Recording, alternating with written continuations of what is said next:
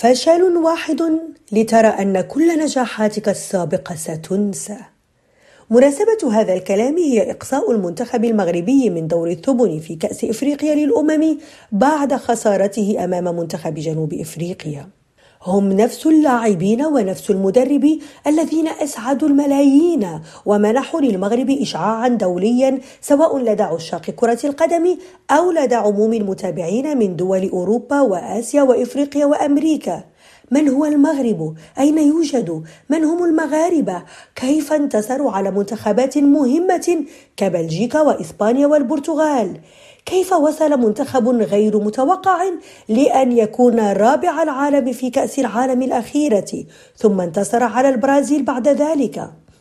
الأسبوع المنصرم خسر المنتخب المغربي أمام منتخب جنوب إفريقيا. طبيعي وعادي جدا أن نحزن ونتأسف لأننا أمام كل مباراة نتمنى أن يتأهل المنتخب الذي نشجعه.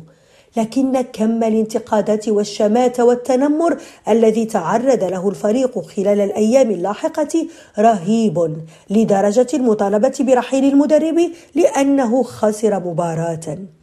وليد الركراكي ليس مقدسا. لا أحد مقدس.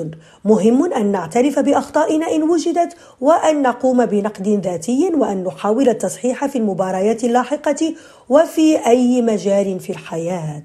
وهذا ما فعله بنفسه حين قال إنه يتحمل مسؤولية الخسارة. لكن كرة القدم والمباريات القارية أو العالمية تحتم وجود رابح وخاسر. كان لابد أن يفوز أحد الفريقين وأن يخسر الآخر.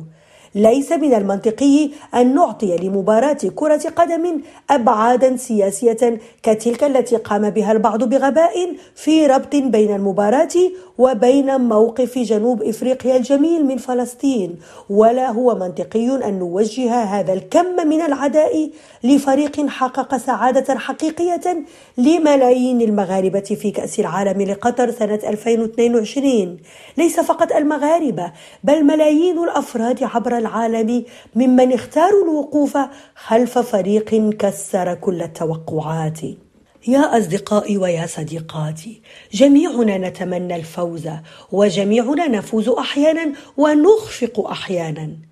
مهم أن نتعلم انتقاد الذات وعدم الوقوع في الغرور لكن حذاري من أن يتحول انتقاد الذات إلى جلد للذات وللآخر أمام أي خطأ أو فشل. سناء العاجي الحنفي.